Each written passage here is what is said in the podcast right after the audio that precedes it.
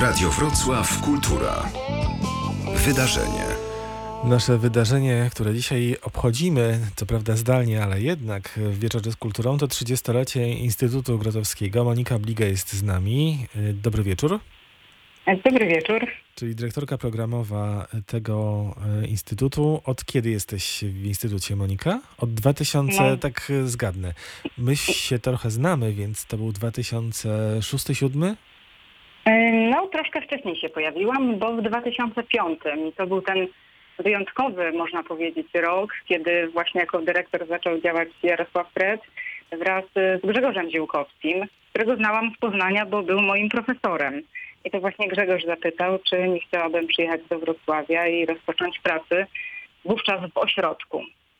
A rok wyjątkowy, bo tak jak Jarek wspomniał, e, w kwietniu organizowaliśmy Międzynarodową Szkołę Antropologii Teatru. Wcześniej, bo w marcu Peter Brook w Poznaniu otrzymywał e, honorowy doktorat, a we Wrocławiu pokazywał swój spektakl Tierno Bokar, a z kolei w czerwcu e, odwiedzali nas Tomasz Richards i Mario Biagini pokazując spektakl Desire, więc zupełnie wyjątkowy rok, no i wyjątkowe miejsce, o którym jako studentka mogłam tylko pomarzyć. Tutaj ciekawe, że wspominasz Gregorza Fiłkowskiego, no nie mogłaś nie wspomnieć, ale ja czytałem, e, przygotowując się do tej audycji, jego taki artykuł o, na dziesięciolecie napisany y, Ośrodka Grotowskiego. Ośrodek, czyli jak złapać pstrąga. Pstrąga, tak. tak. Grzegorz pisał o, o takiej przejrzystej wodzie, w której ośrodek, instytut działał, w przeciwieństwie do innych instytucji kultury, bo wiadomo przecież, że częściej y, można tego pstrąga E, złapać. Znaczy, złapać można pstrąga tylko w przejrzystej wodzie, natomiast częściej ta woda jest nieprzejrzysta i brudna, jeśli mówimy o kulturze. Mhm. A, e, a powiedz mi, e, jakiego ty pstrąga, takiego najokazalszego, najładniejszego, najsmaczniejszego złapałaś, będąc w Instytucie Grotowskiego?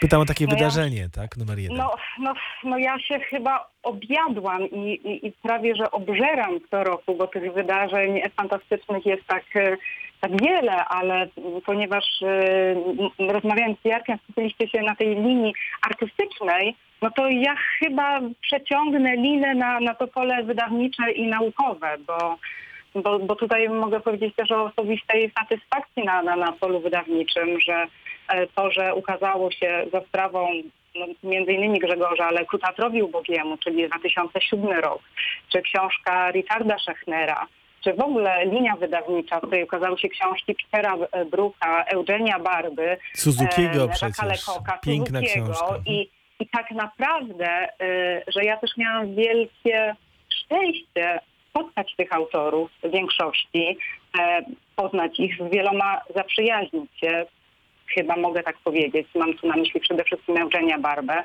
no to to jest niezwykle wyróżnienie. Jarek też studiował polonistykę, ja jestem właśnie po polonistyce e, poznańskiej i mogłam do tej pory tylko czytać tych e, autorów, a na w ośrodku i w instytucie mogłam ich poznać i mogłam wydać ich książki. No to ciekawe jest, że przez te lata Instytut no, musiał się zmienić, ponieważ zmieniała się rzeczywistość. W końcu to jest 30 lat, to cała epoka, jeśli idzie o cywilizację i technologię.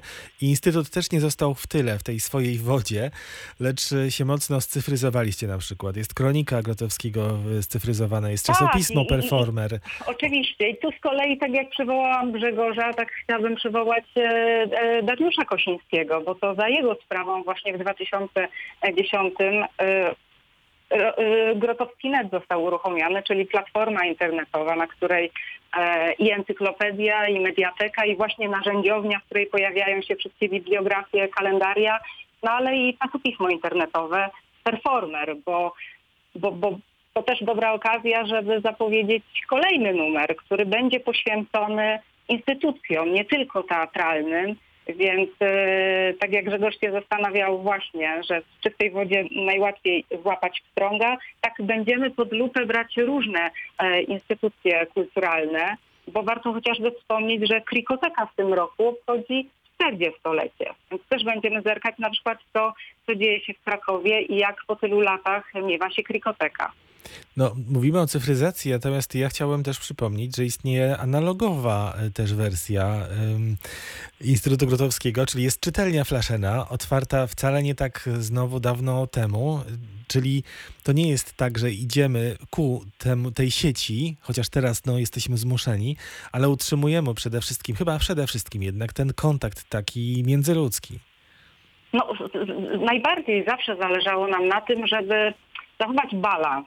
I, I tak jak przywołałeś tytuł wystawy, to przerzucanie mostów, to profesor Osiński mówił o tym, że przerzucamy mosty między y, światem sztuki, światem nauki, przerzucamy mosty między tym, co dawne, tym, co obecne i, i co nas czeka w przyszłości, ale przede wszystkim przerzucamy te mosty między ludźmi i, i zawsze spotkania międzyludzkie były dla nas najcenniejsze i, i cieszę się, że za sprawą czytelni wciąż tak się dzieje. No a ten plan na, te, na ten jubileusz miała być wystawa właśnie przy ulicy Świdnickiej, no za chwilę miała się otworzyć, za, za parę dni. Ona na pewno gdzieś tam już w blokach jest i, i ona będzie. Co zaplanowaliście? To będą takie migawki z komentarzami z tych 30 lat? Zależy, zależy nam na tym, żeby przywołać y, osoby, dzięki którym i ośrodek powstał i działał, ale przywołać również naszych gości i najważniejsze projekty.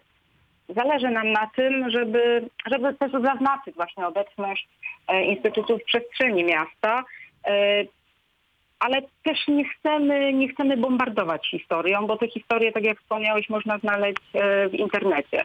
Chcemy raczej przypomnieć twarze, przypomnieć myśli i, i projekty, ale też dodam, że to nie jedyna wystawa, którą planujemy, y, bo y, chcemy również zorganizować drugą, mniejszą wystawę w kafeterii. To będzie laboratorium liter, ponieważ w styczniu wydaliśmy małą, małą, ale można powiedzieć bogatą i niezwykle ważną książeczkę y, pod tytułem Ośrodka i Instytutu Grotowskiego Historia z graficznego punktu widzenia. Barbary Kaczmarek. też- Tak, chcemy zaprezentować Basi, bo to wydaje mi się, że w skali Wrocławia, jeśli nie w skali Polski, zupełnie wyjątkowa e, historia, że od samego początku funkcjonowania instytucji za identyfikację wizualną odpowiada jedna osoba.